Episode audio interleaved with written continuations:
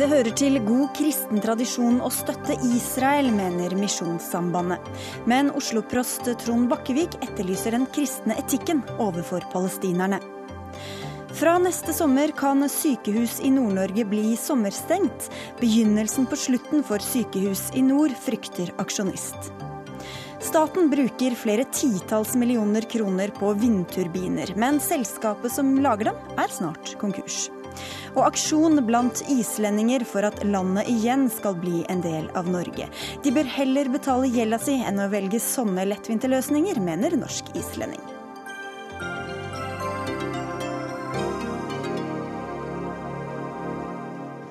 Dette er Dagsnytt 18 på NRK P2 og NRK2, hvor vi også spør hvordan og hvorfor barn skal lære mer i barnehagen. Jeg heter Sigrid Solund. Etter en kortvarig humanitær våpenhvile i dag ble en åtte år gammel jente drept og 30 mennesker såret i et israelsk angrep mot en flyktningleir i Gaza by. Etter fire uker har dødstallene i Gaza nå passert 1800. Eh, Flere enn 9000 mennesker er skadet og 10 000 hjem er ødelagt. I Jerusalem ble to personer drept og fem skadet da en gravemaskin kjørte inn i en buss i dag. Hendelsen granskes som et terrorangrep. Midtøsten-korrespondent Sigurd Falkenberg Mikkelsen, du er nær grensa til Gaza. Forsøket på fredsforhandlinger fortsetter i Kairo, men Israel vil ikke lenger delta i samtalene. Hva kan komme ut av det da? Nei, Det tror jeg ikke er eh, stort. Akkurat nå sitter de palestinske fraksjonene eh, og snakker seg imellom eh, med hjelp av egyptiske meklere for å komme fram til et felles forslag. Enige om noen grunnprinsipper, bl.a. at blokaden skal heves og de ber om umiddelbar stans i kampene. Eh, men så lenge ikke Israel vil eh, forhandle, så har ikke det så mye fra å sitte der og prate. Og hvis etter hvert Israel avslutter angrepene uten noen form for avtale, hva kan det bety for konflikten framover? Det er i hvert fall at ingen av de grunnleggende problemene er løst. Og den humanitære situasjonen på Gaza har jo vært veldig vanskelig dette året. Eh, I løpet av denne krigen har det blitt helt eh, desperat for eh, svært mange mennesker. Det er ødelagte hus, det er sykdommer som sprer seg og veldig, veldig tøffe forhold. Sånn at en ren avslutning uten at, uten, å, uten at de grunnleggende tingene gås gjennom, blir bare en fortsettelse av sånn som det har vært, bare mye verre. Men Kan Hamas likevel innkassere det som en slags seier, eller vil de prøve å gjøre det i hvert fall? Sånn som det er nå, så virker Hamas veldig langt unna å ha oppnådd eh, noe særlig med denne krigen, eh, annet enn å eh, ha gjort seg selv til en, en, en, en, aktør i disse ukene. De har ikke oppnådd mye av noe av det de ønsket. og Det viktigste av alt er å på en måte komme til forhandlingsbordet igjen og få en hevelse av blokaden, i hvert fall en lettelse. Det var det de ble enige om også etter krigen i 2012, uten at det ble noe av. Eh, så for Hamas, eh, Hamas er i en eh, pressesituasjon, også politisk generelt i den arabiske verden, hvor de ikke har så veldig mange venner igjen. Og så har Israels utenriksminister Avigdor Liebermann foreslått i dag at FN kan ta over kontrollen over Gaza, på samme måte som i Øst-Timor og Kosovo. Hvordan tolker du det utspillet? Det er jo et litt kuriøst utspill, men det kommer jo fra Israels utenriksminister. og Jeg vet ikke om det er klarert med eh, statsminister Benjamin Netanyahu. Men det ville vært eh, i hvert fall slutten på en tostatsløsning offisielt. Uh, og Jeg tviler vel på om dette kommer til å skje. og Det er også litt rart, fordi uh, Israel har jo ikke noe særlig tillit til FN uh, når det kommer til å administrere noe som helst i områder de er involvert i. Hva kan du si om det som skjedde i Jerusalem i dag, Folkeberg Mikkelsen? Ja, Det var altså en hendelse der en uh, palestinsk uh, ung mann uh, gikk amok med en gravemaskin. Han angrep en buss. ja, så ble han selv drept, og han drepte også en israeler. Israelsk politi sier at de etterforsker dette som et terrorangrep. Men det er usikkert nå om dette er direkte knyttet til konflikten i Gaza eller ikke. Takk skal du ha for at du var med i Dagsnytt 18, Sigurd Falkenberg Mikkelsen. Denne Gaza-krigen skaper altså fortvilelse og sinne og engasjement verden over. Og i Aftenpostens spalter de siste par ukene har det også vært debatt om hva kristen etikk får, eller bør få, å si for synet på konflikten. Ifølge Misjonssambandets eh, Espen Ottosen støtter de fleste norske kristne opp om Israel, og det skal han straks få utdype. Men først til deg, Trond Bakkevik, du er prost i Vestre Aker kirke, for du svarte Ottosen og etterlyser kristen etikk i denne debatten. Hvorfor gjør du det? Eh, fordi det, Jeg tror ikke det er noen eh, tvil om at blant kristne uh, generelt så er det ingen tvil om at man støtter Israels rett til å eksistere innenfor trygge grenser. Det det handler om, er måten Israel fører sin krig på, måten de bruker vold på. Da handler det ikke om å være for eller mot Israel, men det handler om å bedømme den krigføringen ut fra bestemte etiske og moralske kriterier som er nedlagt i en kristen tradisjon, og som har vært gjengs tankegods innenfor kirkelig tradisjon. Hva var det ved Ottosens kronikk som fikk deg til å svare, da? Det var at han ikke brukte dette. Ganske enkelt. Men at han i stedet ga seg inn i noe litt sånn halvpolitiske spekulasjoner om støtte eller ikke støtte til dette, og også noen bedømmelse av hvordan palestinerne oppfører seg. Ja, Espen Ottosen, du er altså informasjonsleder i, i Misjonssambandet. Hva svarer du på kritikken fra Bakkevik?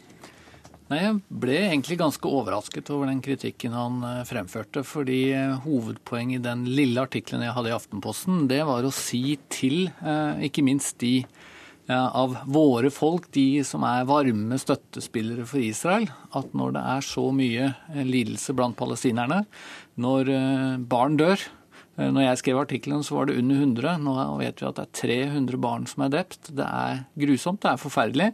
Eh, og da må vi passe oss for, vi som gjerne støtter Israel, eh, for å bagatellisere palestinernes lidelser. Det var faktisk hovedpoenget mitt, og det tenker jeg at der er vel antagelig Bakkevik og jeg ganske enige.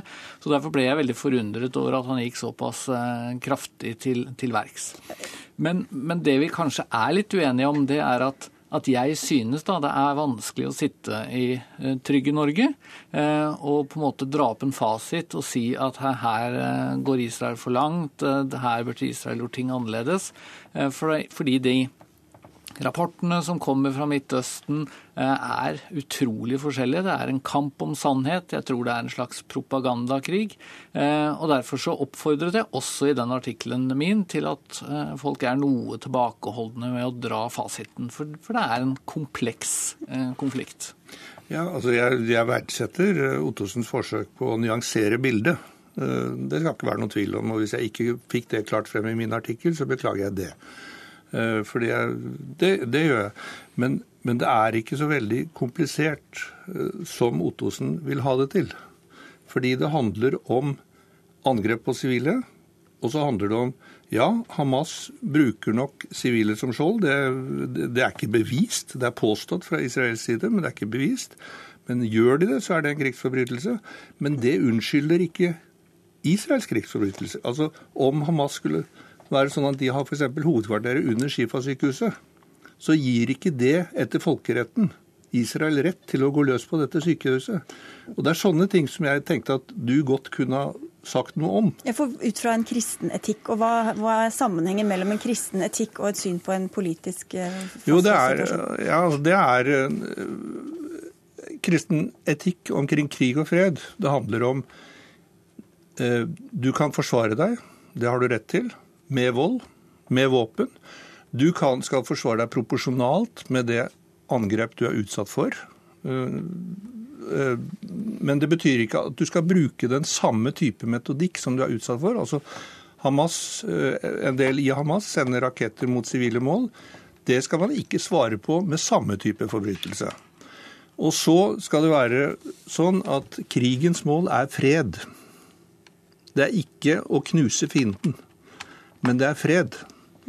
Og da må du ha en strategi for å skape fred. Den er vanskelig å se. Og den er også vanskelig å se på Hamas' side. Sånn at, og så kan du fortsette. altså Israel sier at Hamas skjøt rakettene først. Hamas svarer, og palestinerne svarer, med ganske god rett at ikke bare ganske god, men, men rett at det finnes en blokade, det finnes en okkupasjon som er årsak til at det blir sånn. Og Det vi vet, er at dette kan fortsette og fortsette, og så fortsetter man å gi hverandre skylden. Det er helt uproduktivt. Hva, hvilket ansvar skal vi ha fremover? Det er det det handler om. Men Du sier Ottosen, at det er eh, en kristen plikt å støtte det jødiske folk. Hva ligger den støtten i, da? Altså det jeg egentlig er aller mest opptatt av, nettopp fordi jeg ikke ønsker å gå altfor mye inn i politikken her. Altså Jeg er jo predikant og teolog, og da får jeg prøve å være litt forsiktig med å leke militæranalytiker og ekspert på folkerett. Og da blir jeg veldig opptatt av at vi må støtte jødenes rett til å bo i Israel, til å forsvare seg. Og vi vet at det er veldig mye antisemittisme og jødehat i palestinske områder og rett og slett i disse arabiske nabolandene til Israel. Men hvorfor skal kristne støtte det jødiske folket især? Det opplever jeg at er noe Bibelen eh, gjør eh, oss oppmerksom på at det er viktig, ved å si at eh, jødefolket hadde en spesiell, eller har en spesiell plass i hva skal vi si, Guds hjerte. Guds utvalgte folk, kan jeg godt si i en gitt sammenheng. Men da blir det fryktelig viktig å si at det betyr jo ikke at Israel har lov til alt. Selvfølgelig ikke. Vi skal stille de samme kravene til Israel som til andre land. Og jeg er faktisk utrolig nok, kanskje noen sier, si, enig i absolutt alt det Bakkevik sa i sitt forrige innlegg. Jeg tror faktisk at når det gjelder krigens etikk, så er vi helt på linje. Men vi er litt antagelig usikre, eller litt uenige om hva slags type fakta vi har å legge til grunn. Jeg er helt enig med Bakkevik at man skal ikke angripe sivile. Eh, og palestinske liv er nøyaktig like mye verdt som ja, jødiske liv. Men synet på det, på det, jødiske folket som noe utvalgt av Gud, det påvirker jo også da synet på den politiske situasjonen, da? Ja, det, altså, det kan det gjøre, og det trenger det ikke å gjøre. Fordi jeg er jo også sånn at jeg stiller meg litt undrende til at eh, det jødiske folk fins. Altså undrende i positiv forstand. Eh, at det, det fins, og det har overlevd fordrivelser, det har overlevd forfølgelse gjennom tusener av år. Eh, og så er Israel blitt til på måter som mange ikke liker. Men jeg sier ålreit, nå fins Israel. La, det, la jødene ha dette som et land. Og så har de ingen rettigheter som ikke andre folk har. Og det er veldig viktig å si. Det fins ingen særmoral for jøder. Men mener du at som kristen så, så, bør det også da påvirke synet på konflikten på et eller annet bestemt vis, ut fra den kristne etikken som, du, Nei, som sikkert veldig mange som ikke er kristne vil være enig i hva du sa altså, i stad? Altså bare, bare ut fra kristen etikk Eh, så sier jeg av og til så får du ikke det ideelle. Nå har vi ikke fått det ideelle ved at ikke vi fikk til en fredelig innvandring av at jødene kunne bo i Palestina. Det hadde med jødene å gjøre, det hadde med palestinerne å gjøre, det hadde med britene å gjøre. Men, men eh, nå er de der, og da får de bo der. Og så må de oppføre seg som andre folk. Ja, hva, hva, hva kan være faren da ved å dra inn det religiøse aspektet inn i en sånn storpolitisk situasjon mot Osen? Ja, jeg tror absolutt det er en fare. Eh, og jeg syns nok at det fins eh, kristne som blir veldig raske til å si at siden vi har en bibel, og den sier sånn og sånn om det jødiske folket og folkets rett til landet, så må vi aldri kritisere Israel. Eh, og jeg mener at det må vi absolutt kunne gjøre. Og er det noe Det gamle testamentet er eh, stappfullt av, så er det faktisk kritikk av Israel når jødefolket eh, krysser moralske og etiske grenser. Og Det var derfor jeg altså, som sagt, ble litt sånn forundra over at Bakkevik gikk såpass hardt ut som han gjorde. For jeg mener at jeg ønsket å advare mot en bagatellisering av palestinsk lidelse, for den er forferdelig. Du får oppklare helt avslutningsvis. Ja, helt, helt fint det du sier der. Da skulle jeg ønske du hadde sagt at eh, vi støtter Israels rett til å eksistere innenfor trygge grenser, men det betyr ikke at vi støtter israelsk politikk, for det er to forskjellige ting. Det er to forskjellige ting, og jammen trodde jeg jeg skrev det òg, jeg. Det gjorde du. Du får gå og skrive et nytt leserinnlegg. Takk skal dere ha, i hvert fall for at dere tok turen til Dagsnytt 18.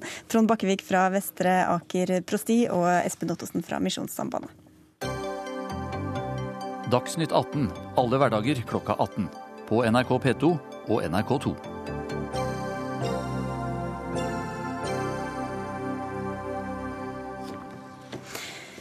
Snart her i Dagsnytt 18 spør vi hvorfor helseministeren er positiv til en utredning om å stenge sykehus i Nord-Norge om sommeren. Men nå til et annet tema som opptar mange foreldre om dagen. For i disse dager trilles eller tråkker mange små barn til barnehagen, en del av dem for første gang. I dagens Aftenposten skriver byrådslederen og skolebyråden i Oslo om Prosjekt Oslo-barnehagen, som bl.a. inneholder ingrediensene mer læring og felles barnehagestandard. Og hvor betegnende er dette, disse stikkordene for den barnehagen Høyre Høyre ønsker seg over hele landet, kunnskapsminister Torbjørn Isaksen? Jeg syns den kronikken i Aftenposten i dag var veldig bra. Jeg synes Det er et godt eksempel på at Oslo går foran. og Jeg er veldig opptatt av at vi skal ha kvalitet i barnehagen, at innholdet i barnehagen er viktig, eh, og at barna skal lære noe i barnehagen. Så skal ikke barnehagen bli en skole. Vi skal ikke ha en, en, barnehage hvor du pugger eller hvor du lærer på samme måte som når du starter på skolen, men at barna skal lære noe i barnehagen. Selvfølgelig skal de det. Og det, da trengs det systematisk satsing. Trengs det flere barnehagelærere. Og så trengs det en del andre ting som vi jobber med også. Ja, hva er det dere det åpnet for en lovendring for at barna skulle lære mer eh, i barnehagen? Ja, altså vi, vi, holder på å gå gjennom barnehageloven og det som heter rammeplanen, som er rett og slett utgangsdokumentet som barnehagene forholder seg til når de skal lage opplegget. Og og eh, Mitt mål er at den nye rammeplanen skal, skal, skal, gi mer læring i barnehagen.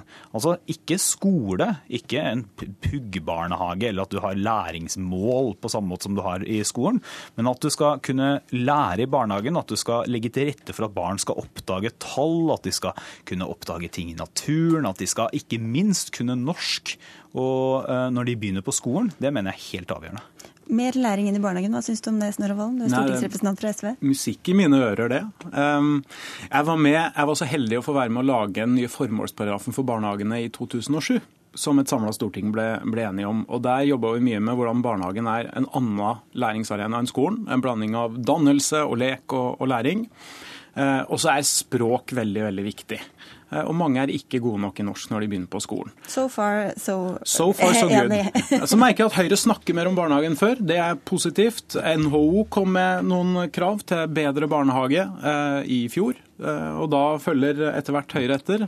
Det syns jeg er bra. Jeg syns også det er bra at Oslo begynner å signalisere vilje til å styrke barnehagen. For der har ikke Oslo gått foran til nå. De har både mange færre pedagoger per barn eh, enn det andre byer i Norge har. Og de har færre barnehagebarn i barnehagen med minoritetsbakgrunn.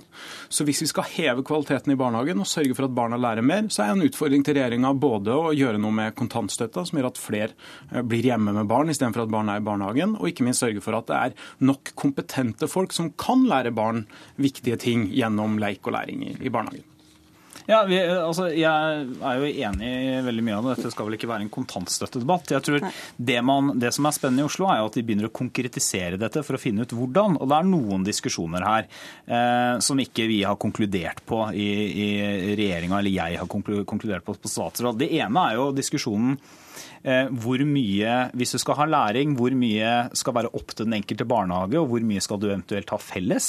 Og det andre diskusjonen er jo vi, Jeg mener det er helt åpenbart at barn må kunne norsk. Så alt vi kan for å sikre at barn kan norsk når de begynner på skolen, det burde vi gjøre.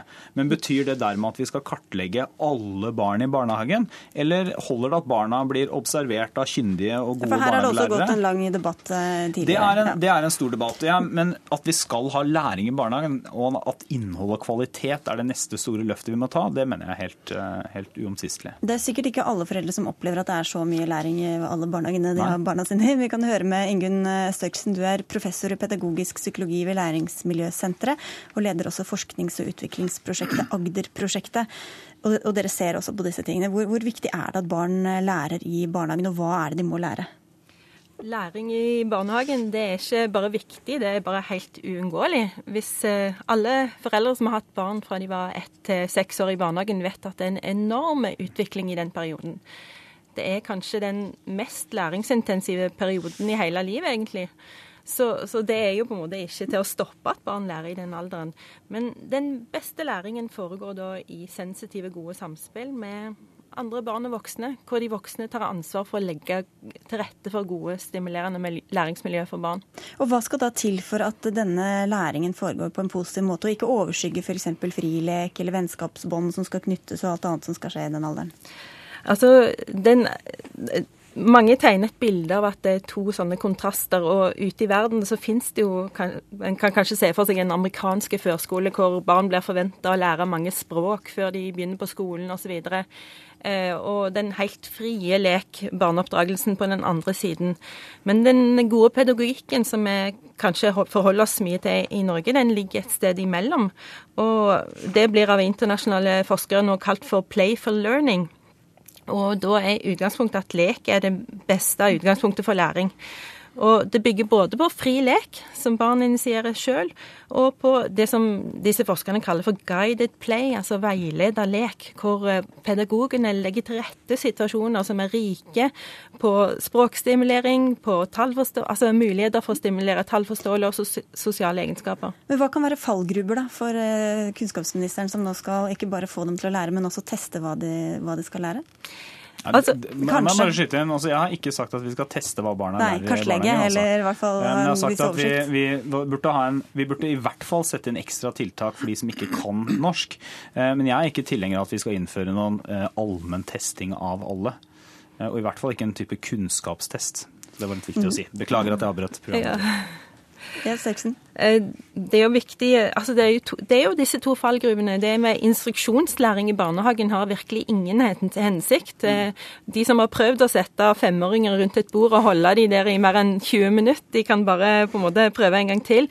Og, og, og fri lek, sant? Altså, det er jo utrolig mange muligheter for utvikling i fri lek. Og rollelek og fantasi er veldig bra for barns utvikling. Men det sier seg selv, hvis de skal lære et mer avansert språk, så må de òg være i samspill med voksne som eh, på en måte sensitivt fòrer de med nye ord og begreper som de trenger i sin videre utvikling.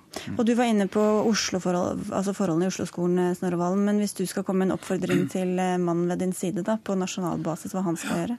Jeg kan tenke meg to nasjonale standarder, eller nasjonale systemer. Det ene er at vi sørger for at det er et tilbud om gratis kjernetid. Eh, for barn i barnehagen. Sånn at vi sørger for at For alle?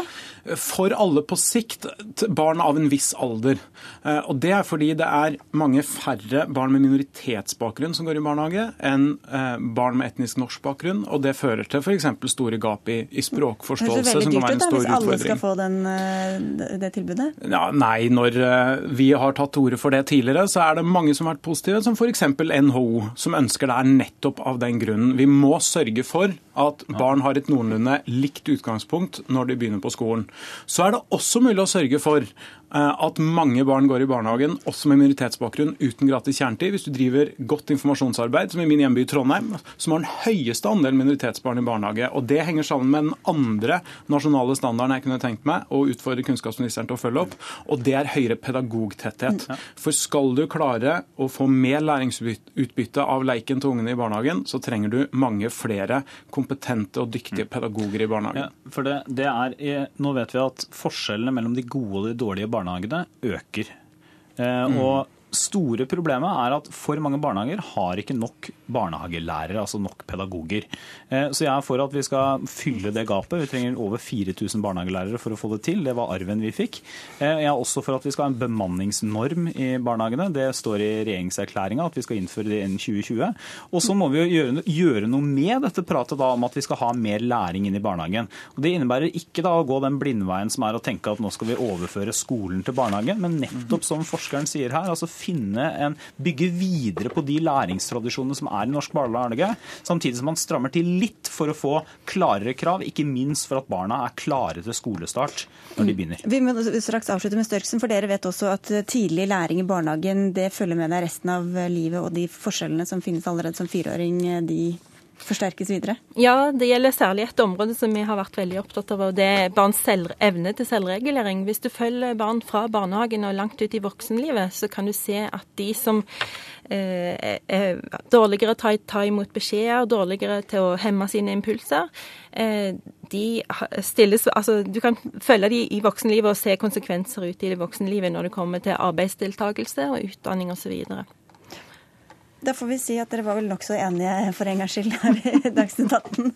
Takk skal dere ha i hvert fall for at dere kom, Torbjørn Røe Isaksen og Snorre og Ingunn Størksen fra Agder-prosjektet.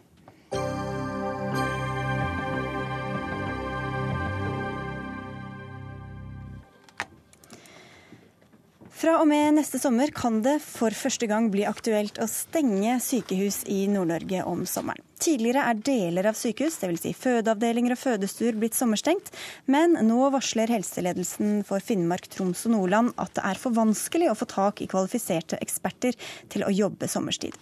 Og Helseminister Bent Høie, du er positiv til en utredning om dette. Hvorfor er du det? Jeg mener at det er riktig at Helse Nord eh, går gjennom denne problemstillingen grundig, og ikke møte neste sommer, og kanskje i en situasjon der en har sykehus der viktig nøkkelpersonell ikke er til stede, og dermed skape en falsk trygghet. Og Derfor er det bra, og det er en del av oppdraget til Helse Nord, å gjøre å, å utrede dette, se på konsekvenser og vurdere fordeler og ulemper ved å lage en beredskapsplan for hvis et helt sykehus skal stenge istedenfor og f.eks. gå for veldig redusert kapasitet og kompetanse på flere av de mindre sykehusene. For Helse Nord har jo en sykehusstruktur med mange små sykehus. Det skal vi ha òg i framtiden. Men det er klart at på de små sykehusene så har vi en utfordring med at òg nøkkelpersonell der ønsker å ha sommerferie når ungene har sommerferie, når ektefellen har sommerferie.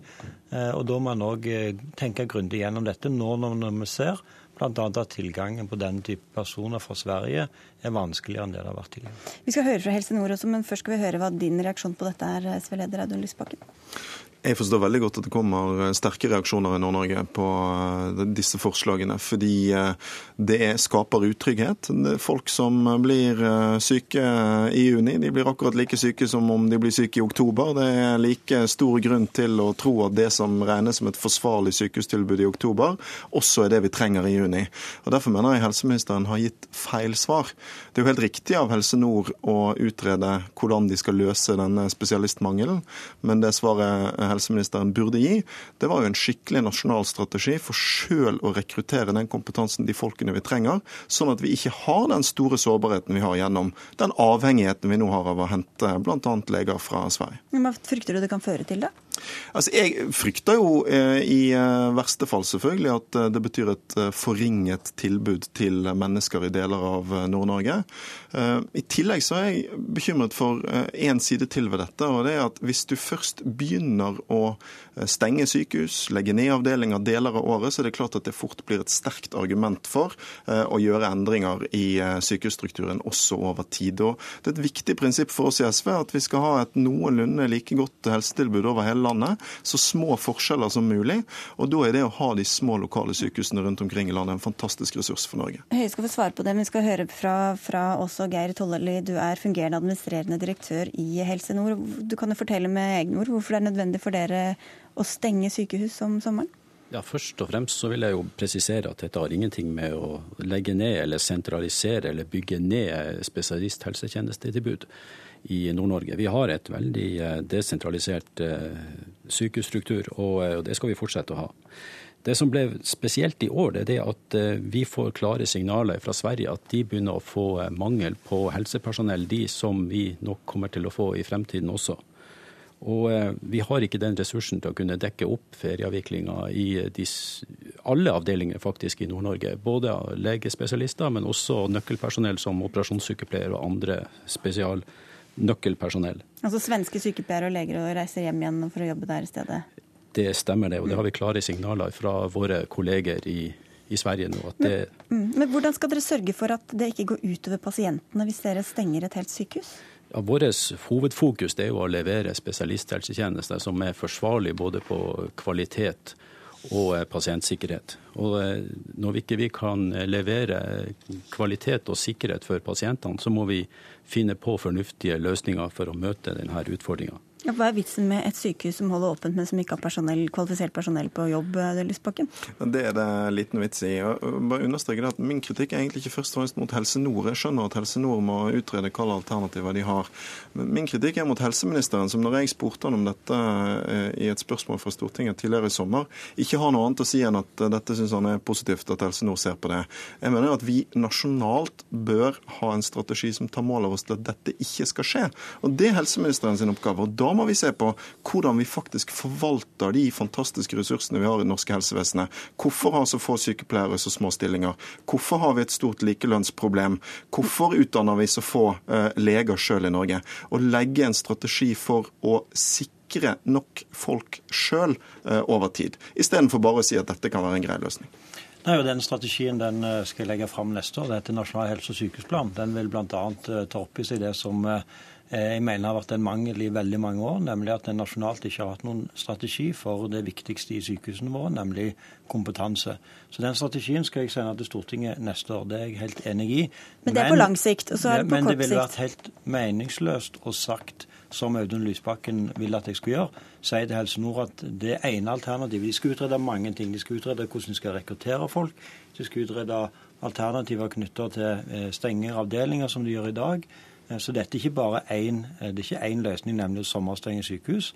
Men å si til dem at det alternativet får de ikke lov til, og dermed gjerne tvinge dem til å ha oppe et sykehus som ikke har den kvaliteten som vi som pasienter forventer å møte, det mener jeg vil være feil. Og det andre er at dette henger sammen med at Helse Nord, og det er jeg helt enig i, har en struktur som innebærer, og det er naturlig i Nord-Norge, at de har mange små sykehus. Og små sykehus er selvfølgelig mer utsatt for eh, å være sårbare i en situasjon med ferieavvikling fordi de har færre nøkkelpersonell å spille på. Og Dette handler jo om at vi ønsker mennesker som jobber i helsetjenesten. og Da må de òg få muligheten til å ta sommerferie. De må få eh, ha ordna arbeidsforhold. Vi må redusere vikarbruken. Ja, Da må vi være villige til å tenke eh, annerledes. Men det som er helt klart en forutsetning for meg, det er at Helse Nord kan vise til at dette ikke fører til en svekka beredskap for innbyggerne i Helse Nord. Det er nesten du kan gå med på det. På. Eh, og det og jeg oppfatter jo at Helse Nord er helt enig i. Men det er, som, eh, som Lysbakken var inne på, bekymra folk i Nord-Norge. Og en av dem er deg, Dagny Pettersen. Du leder aksjonskomiteen for Narvik sykehus. Uhørt og skrekkelig er ord som du har brukt om dette forslaget. Hvorfor er det eh, så ille? Altså, Folks helseproblemer tar ikke ferie. Gravide tar ikke ferie. Det fødes flere barn om sommeren. Sykdom og skader tar ikke ferie. Slett ikke om sommeren. Derfor må vi selvfølgelig ha sykehus også om sommeren. Og Her snakkes det om her må man altså bruke bedre tilbud til rekruttering. En annen ting er at dette forslaget er redd for er starten på en prosess for nedbygging av lokalsykehusene og helsevesenet. Og da er det en fallitterklæring for norsk helsevesen. Men det er jo andre sykehus eh, som er åpent, som man da skal ha, legge en plan for at man kan reise til dersom det, det nærmeste stenges? Ja, men kjære verden, her snakker vi om avstand, altså. Og, og hvis helsepersonell fra et stengt sykehus skal flytte over til et åpent sykehus, hvor skal de bo, bo henne? Hvor skal de gjøre ungene sine? Har, altså Helsepersonell på sykehus har også barn. Hvor skal veien være dem? Sånn at det her eh, det, det, er så dårlig gjennomtenkt. Ambulansen, altså det må det fraktes pasienter over lengre avstander. Ambulansefagarbeidere skal ha med ferie. Og, og, de som er igjen, hvilken kapasitet har de? Hvor lenge skal de jobbe på vakt? Hvor, kan, hvor lenge kan ambulansebiler være borte fra sitt område? Altså det, det, er så, det, er så, dårlig gjennomtenkt det her at det er helt uhørt. På, et, på det sykehuset som åpent vil jo bli korridorpasienter. Vi kan jo høre med Tollali, for det, det er vel noe du kanskje har tenkt litt gjennom eh, disse innspillene? Ja, det, igjen, det viktigste for oss er å levere tjenester som er forsvarlige både på kvalitet og kompetanse. Det, Men Hva svarer du på de innvendingene og bekymringene som kommer fra Pettersen, da? Og, og det vi skal utrede, Vi har ikke beslutta noen, noen, ting til nå. og Det vi skal utrede, det er altså hvordan kan vi finne en fornuftig løsning på den utfordringa som vi nå ser. Og Jeg tror ikke det blir mindre med årene som kommer. for det, det ligger jo an til at vi får ganske stort underskudd på på, på, sykepleiere og helsefagarbeidere i de nærmeste ti årene. Så dette må vi... Men Deler du eller har du forståelse for de bekymringene? Det er klart, Dette skal vi jo ta med oss i, i tenkinga videre, men vi må finne altså, en fornuftig løsning på den utfordringa som vi ser, og den er alvorlig nok. Men hvorfor kan dere ikke heller sørge for å få den nødvendige kapasiteten, f.eks. gjennom å tilby høyere lønninger eller andre vilkår? Ja, Dette har ikke noe med lønnsnivå eller slikt å gjøre. Det har rett og slett med mangel på, på personell. Og det som har berga oss til nå, det er jo våre venner i, i Sverige og i Danmark. Men nå begynner de å få for få helsepersonell sjøl, sånn at de har ingenting å, å avgi til, til vår ferieavvikling. Og Lysbakken, De tiltakene som du etterlyser fra Høie, som han sier at kommer i en samla plan neste år, det er ikke noe som hadde uansett løst situasjonen for Nord-Norge eh, sommeren 2015? Nei, men det går an å gjøre en god del ting eh, nå. Eh, og det går an å gi det signalet til Helse Nord at dette ikke er en ønskelig løsning. Det skulle jeg ønske at helseministeren gjorde for å legge press på å vurdere andre ting. La ta ett eksempel, f.eks. Norsk Sykepleierforbund har foreslått å inngå egne sommeravtaler som kan gjøre det mer attraktivt for en del av deres medlemmer å jobbe om sommeren. Den typen løsninger burde både Helse Nord og helseministeren vurderer å gå inn på.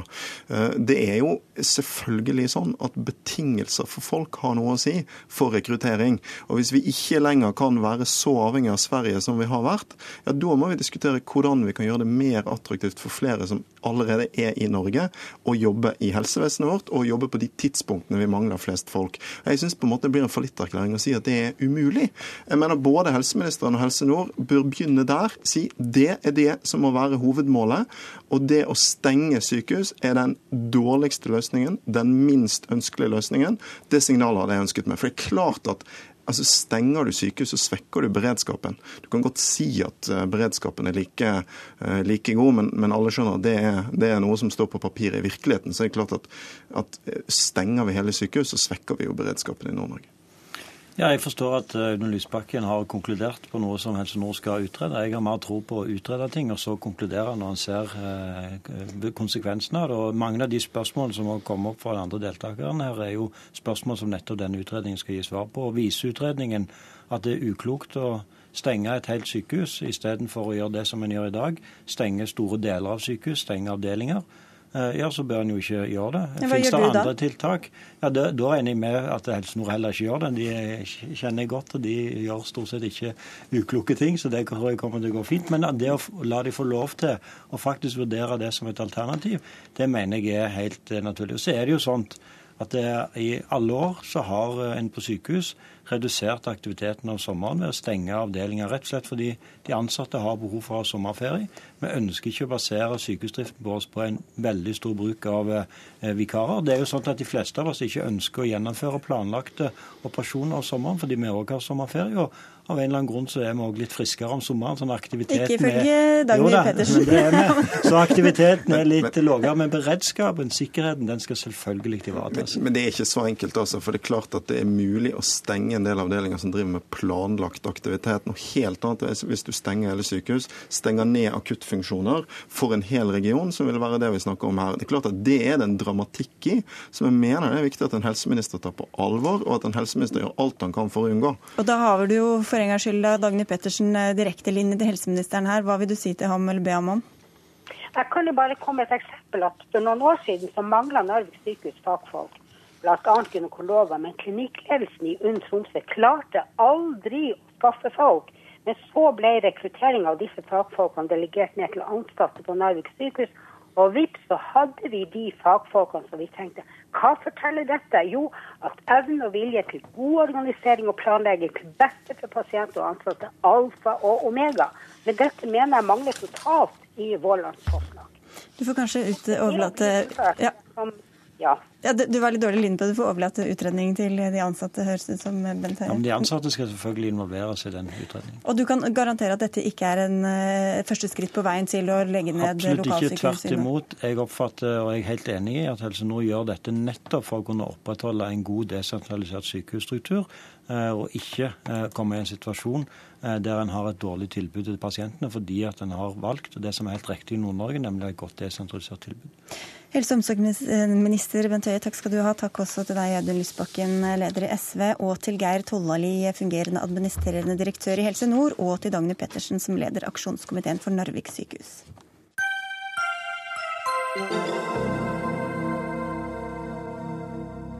Snart skal sjakk-OL overta sendingene her i NRK2, så alle som vil høre hvorfor noen islendinger vil at hjemlandet skal bli en del av Norge, må skru på NRK P2.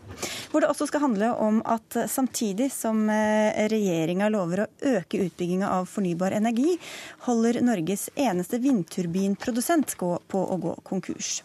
Selskapet Blåster Wind Technologies har fått mer enn 48 millioner kroner i statlig støtte, men er bare uker unna skifteretten, skriver Dagens Næringsliv. De har laget en prototyp av en vindturbin tilpasset norske forhold, og målinger viser at denne turbinen er den mest effektive som så langt har vært installert i Norge. Torolf Pettersen, du er eier og daglig leder av Blåster Wind Technologies. og Hvorfor holder dere da på å gå konkurs? Ja, Det er ikke så enkelt å skjønne. Men uh, i alle fall for å ta starten på det hele, så ble jo Norge og Sverige enige om uh, å bygge ut da 26 TWh fornybar energi innen 2020, hvorav veldig mye av det her skulle være vindkraft. Og Vi så det her som en stor mulighet i hjemmemarkedet og har utvikla en skreddersydd turbin for det markedet her. Og Den har, som du sa, vært i drift nå siden 2012 og vist at den duger så det holder. Eh, og den bidrar også, som eh, du ikke nevnte, til å senke eh, kostnadene for vindkraft betydelig, og spesielt i Norge. Og det er allerede investert 110 millioner kroner i teknologien. Så hvorfor har man gjort det, og ikke kommet videre? Altså, Vi har nå i ett år prøvd å finansiere de to første seriemaskinene våre med den nye teknologien. Og vi vet jo at vi vil treffe, men vi har ikke altså klart også fått med oss medinvestorer som tror på at det er mulig å skape en slik industrimulighet og en slik produktmulighet og en slik energikostnadsreduksjon i Norge. Så dere har prototypen, men dere får den ikke ut på markedet og, masse, og produsert den? Kommersialiseringssteget i Norge er et betent uh, spørsmål i enhver ny teknologiutvikling, og vi er lider av det samme. Uh, det er, og, og, hva skjer da med den turbinen som dere har jobbet fram? Ja, altså, Selve prototypen som står der, den skal vi klare å holde i gang. Men hele poenget er jo at det har gjort en kunnskapsinvestering til mange titalls millioner kroner. Det er jo der brorparten av pengene har gått. Den står jo fare for å bli tapt. Det er jo det som er hele poenget. Altså, her er jo fullstendig bortkasta utviklings- og kunnskapsoppbygging. Erik Martinussen, du er journalist og forfatter, og du mener at dette er et typisk eksempel på problemene ved dagens fornybarpolitikk. Hvordan er det det? Ja, jeg mener det fordi at eh, ja, altså, Jeg tror vi må løfte blikket litt her. Hvorfor er, det, hvorfor er det så mange faktisk ønsker at bedrifter som Blåster skal eh, overleve og gjøre det bra? Eh, det tror jeg handler om at eh, vi er veldig Norsk industri, norsk næringsliv, er svært eh, oljeavhengig. Ni av ti kroner som investeres i norsk industri, går til olje- og gassektoren, inklusiv leverandørindustrien. Og Derfor er det behov for å diversifisere industrien vår, gjøre oss, gjøre, få, oss, få flere bein å stå på, rett og slett. Og fornybarindustrien er jo åpenbart et sted hvor det er store muligheter. Eh, vi har jo, altså Siemens, den store turbinprodusenten i Tyskland, har ordrebøker på flere titalls milliarder kroner. Altså De leverer turbiner til hele verden, og det samme gjør Vestas i Danmark. Så hvorfor skal ikke da Norge, eh, med sitt potensial langs kysten, eh, vindkraftpotensial, få til noe tilsvarende? Ja, og Hva er svaret ditt da? Ja, jeg tror det handler om at vi har en, en forskningspolitikk, en industripolitikk, som er veldig Man har for så vidt gode ordninger for forskning og utvikling. Altså Man kommer fram til eh, denne prototypen som Blåster Bloster her har, som åpenbart er en veldig god eh, prototype. Så får man det altså ikke ut i produksjon. Og Det tror jeg handler om at politikken ikke er tilrettelagt for å få ny teknologi ut i produksjon og ut på markedet. Så det stopper et sted, da? Ja, det er der det stopper. ikke sant? Og, og, det er jo veldig synd når man først har investert mange titalls millioner kroner, som Pettersen her sier.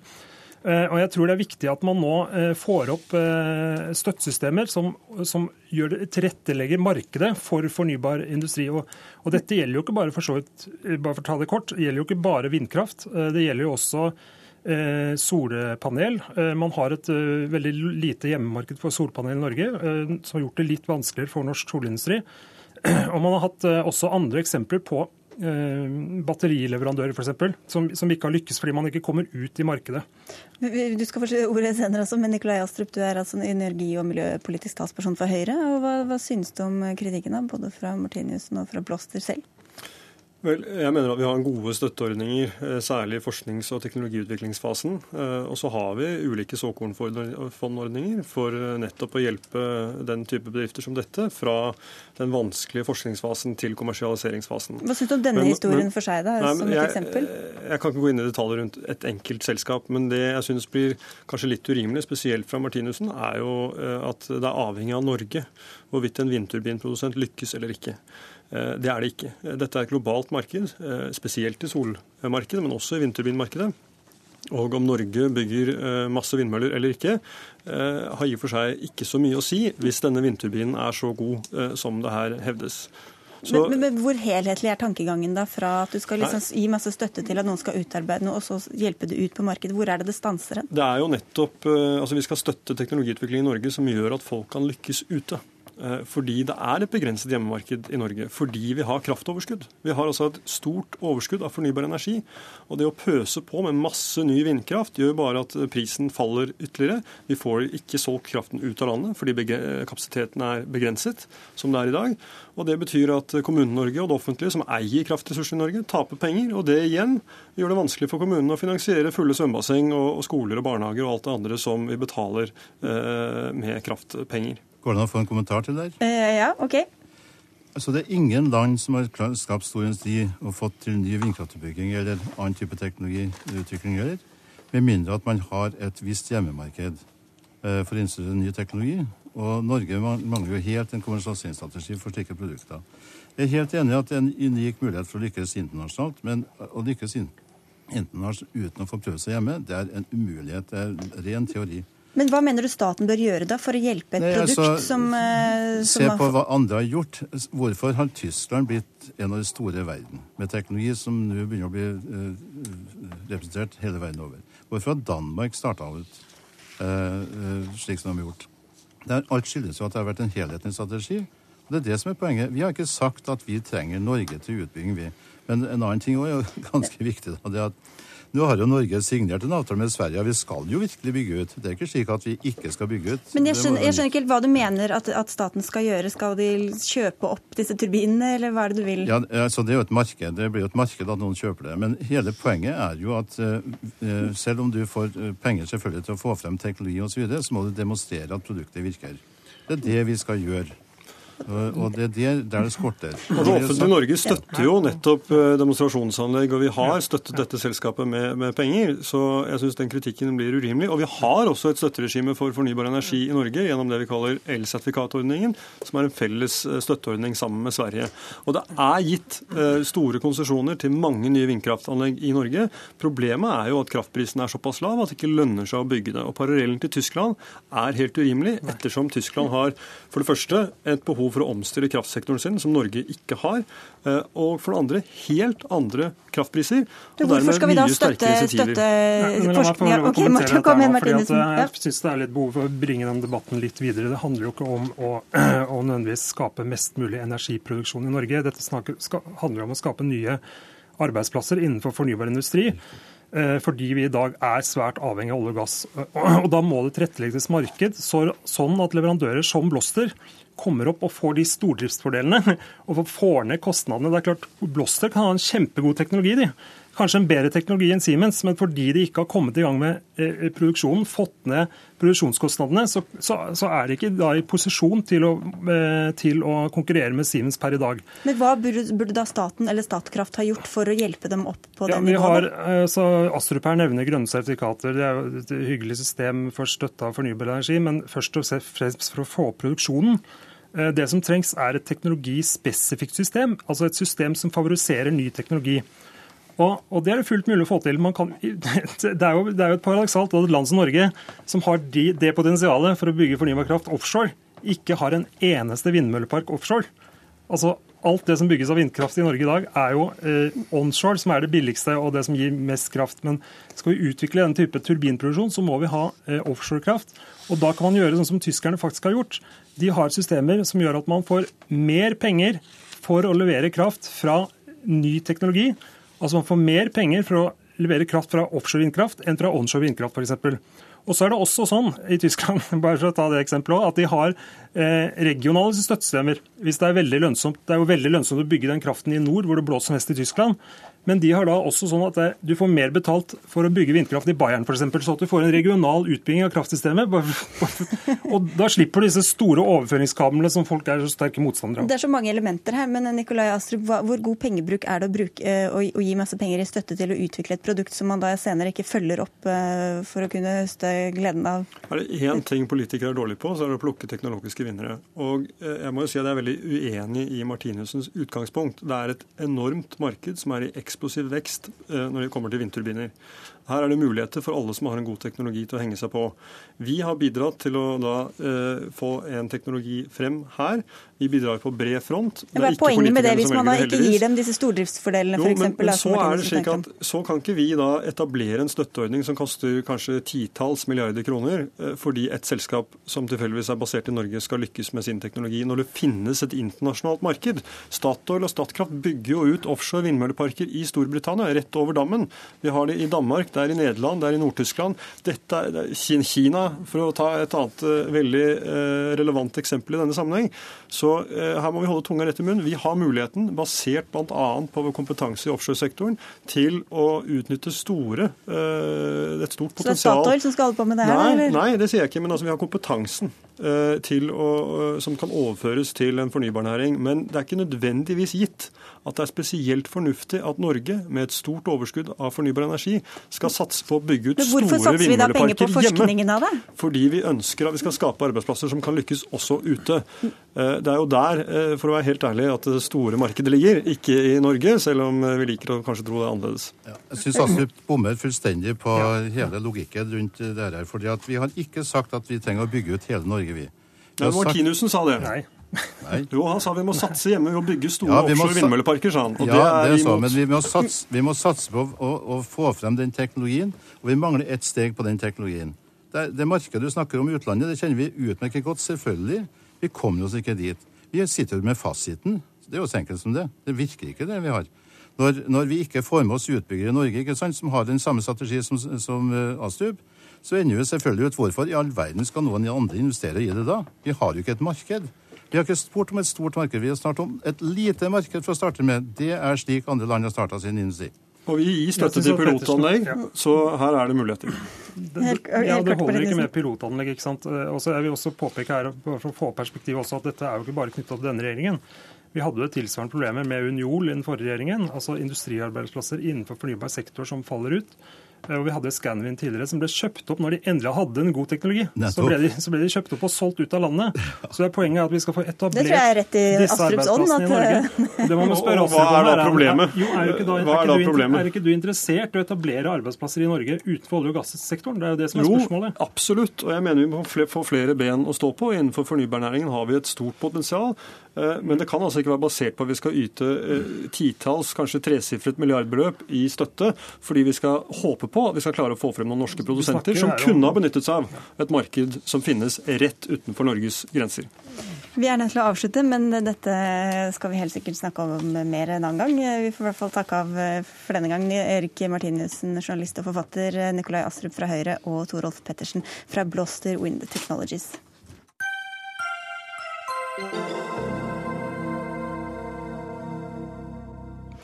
For 617 år siden opphørte Island å være underlagt eh, norsk konge. Nå vil islendingene tilbake, eller i hvert fall noen av dem.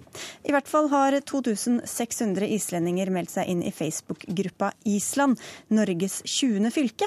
Og du er en av dem, Børge Johannes Vigum. Du er nordmann, men bosatt på Island og professor ved NTNU. Hvor mye alvor ligger egentlig bak den ideen? Det er vel litt eh, begge deler, vil jeg tro. Det er litt alvor, og så er det jo litt, en litt spennende idé, da. Men hva er grunnen til at dette forslaget i det hele tatt får eh, støtte? Det er vel at uh, islendingene generelt begynner å bli veldig oppgitt over situasjonen eh, på, på Island. Etter seks-syv år etter krisen så er det fortsatt veldig mye ting som ikke fungerer. og Det blir en misnøye mot politikerne osv. Og, da- og mange har reist til Norge, og da begynner man å se at uh, kanskje et nærmere samarbeid med Norge kanskje en ting som, som man kan se for seg. Her er det ikke bare snakk om et eh, samarbeid, men altså at de skal bli underlagt norsk eh, styre. Agnes Arnadottir, du er norske islending og bor her i Norge. Hva syns du om en sånn løsning? Jeg syns det er ganske trist å følge med på situasjonen på Island. Den er eh, mye verre enn det ofte blir fremstilt i norske medier, spesielt.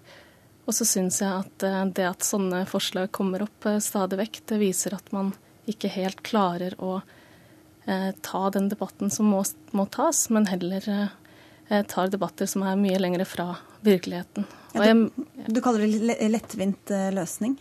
jeg kaller det lettvint løsning, og gjerne en, en litt komisk, men eh, lite kreativ ansvarsfraskrivelse, rett og slett. Men hva er eh, tanken bak her da, Vigum? Nei, Poenget er vel at folk begynner å bli veldig lei, og det, det, det på en måte mangler, mangler tålmodighet på å fortsette. da. Så, Tanken er jo på en måte at eh, i og med at vi, vi er såpass, det er såpass få mennesker på Island, at det er kanskje ikke er mulig å drifte et eh, moderne land. og da, da ser man mot Norge, og kanskje det er en mulighet å, å koble seg mye nærmere og bli et fylke. Det er jo, det en måte. Det, fordelen der er jo at kanskje Norge ville ha fått et bedre fotballag nasjonalt, men eh, det er jo en bivirkning av det. Nei, det, det, er mye, det er mye frem og tilbake. Det er veldig mye argumenter, men det, det er en spennende diskusjon.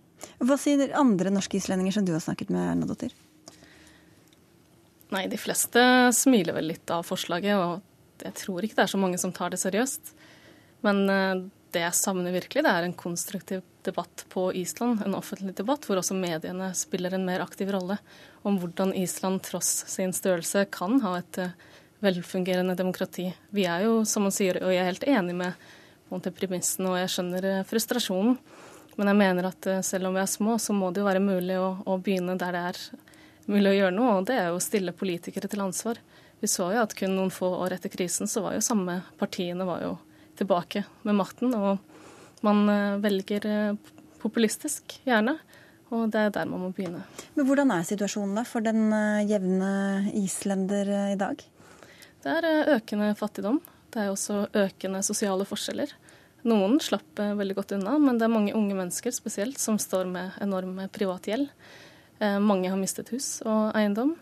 Og når jeg var på Island for to uker siden, så var jo den største nyheten at det var stor mangel på sosiale, sosiale boliger. Så situasjonen er vanskelig, om man har en ikke-fungerende økonomi ved at man har valutarestriksjoner. Og det jeg da i tillegg savner, jeg er da tidligere leder av Europeisk Ungdom, men jeg savner at man på ordentlig diskuterer et EU-medlemskap som en løsning, og med da euroen som en ny valuta. Mm. Hvordan går debatten da bl.a. på denne Facebook-gruppa sin side, Vigum, hos dere? Det er jo mange argumenter frem og tilbake, og det er jo både for og mot EU som er en løsning osv. Men det går jo veldig mye på det med, med valutaen, og, som er veldig vanskelig. Det er veldig dyre lån på Island, så det er veldig mye eh, diskusjoner og utregninger hva et typisk lån koster på Island kontra i Norge. Det er utregninger som viser at et 20 års lån koster ti ganger mer på Island osv. Så, videre. så det, det er veldig mye frem og tilbake. Men det er også et spørsmål om man kanskje skal snu på det og spørre om, når, om Norge har råd til å la være et økt samarbeid eh, med Island. For nå ser man jo at, at Kina er veldig interessert i, i Island. Øker sin tilstedeværelse med ambassade osv. Så, videre. så det, det, skjer jo veldig mye ting internasjonalt. Så, så der, jeg mener Det er ikke bare spørsmål om, om Island ønsker å komme til Norge, men også kanskje om Norge bør, eh, har, bør begynne å se mot Island mye mer. Det er kanskje ingen som foreslår å bli en del av Kina, men hvorfor ser dere akkurat til Norge og ikke til Finland eller Sverige eller Danmark? Det går jo på en veldig felles historie, selvfølgelig. Vi, vi, vi var jo, Island var jo en del av Norge. Eh, vi hadde jo en gang et felles språk som eh, dessverre Norge har vi har gått veldig bort fra det nordiske. Da. Så det var, det var, jo veldig mye felles veldig mye felles historie. jeg, jeg tror at også det at veldig mange islendinger nå de siste årene har flytta til Norge, har økt veldig bevisstheten at Norge er det nærmeste nabolandet. Mm. Hvordan merker du det, Erna Dotter? Jeg merker at uh, interessen for Norge den økte jo spesielt etter krisen. Før det så var Danmark eh, den, det landet de fleste islendinger reiste til for å studere. Og uh, det er nylig etter 2008 så har antall islendinger i Norge tredoblet seg. Jeg skjønner at det er en felles forståelse men, og kulturell identitet osv., men jeg tror kanskje likheten også er ganske overdrevet. Og at det eneste fylket i Norge er Nordland, som har veldig klare likhetstegn med, med islendinger. Både kulturelt og, og historisk. Ja, så hvordan hadde en sånn sammenslåing gått, da, tror du? jeg tror, tror, det kunne vært eh, litt problematisk. Og at eh, jeg kan ikke se for meg islendinger i Stortinget, f.eks. Vi snakker jo ikke samme språk i dag. Det er kanskje ikke helt gjennomtenkt det her, eller Vigum? Jo da, det, nei, det er kanskje ikke helt gjennomtenkt. Og han som starta en gruppe her, han sa at vi kunne i hvert fall ta en uke og diskutere det og tenke gjennom det. Og så kunne vi se hva, det, hva vi kommer fram til. Og selvfølgelig så er det mange, mange ting hvert fall hvis man skal gå så langt til at uh, man skal bli et fylke. Det, det er helt klart, det ser jeg. Men kan det, mm, Nei, kom igjen. Poenget at eh, Island er jo den kreative, innovative lillebror da, uh, som, som, har veldig mye som man ønsker å gjøre. og og er veldig kreativ. og Det kunne være et poeng at den lillebroren på en måte blir litt familiegjenforena med sin eh, rike storebror. da. Og Hvordan kunne man gjort det uten at det ble et eget fylke, da? Det, det, må politikerne finne ut. Det er jo mange diplomatiske løsninger på sånne ting. Det med union, eller man ser hvordan Færøyene er knytta mot Danmark osv. Så, videre. så det, det, det er mange, mange muligheter. Vi får overlate det til noen andre, men uh, si tusen takk for at dere var med i uh, dagens Dagsnytt 18. I hvert fall Agnes Arnadottir og Børge Johannes Viggum, som er, bor altså på Island. For dagens eh, Dagsnytt 18 er eh, slutt. Det var Andrea Kvamme Hagen som hadde ansvaret for den. Teknisk ansvarlig var Frode Thorshaug. Og jeg heter Sigrid Solund, og vi høres igjen i morgen.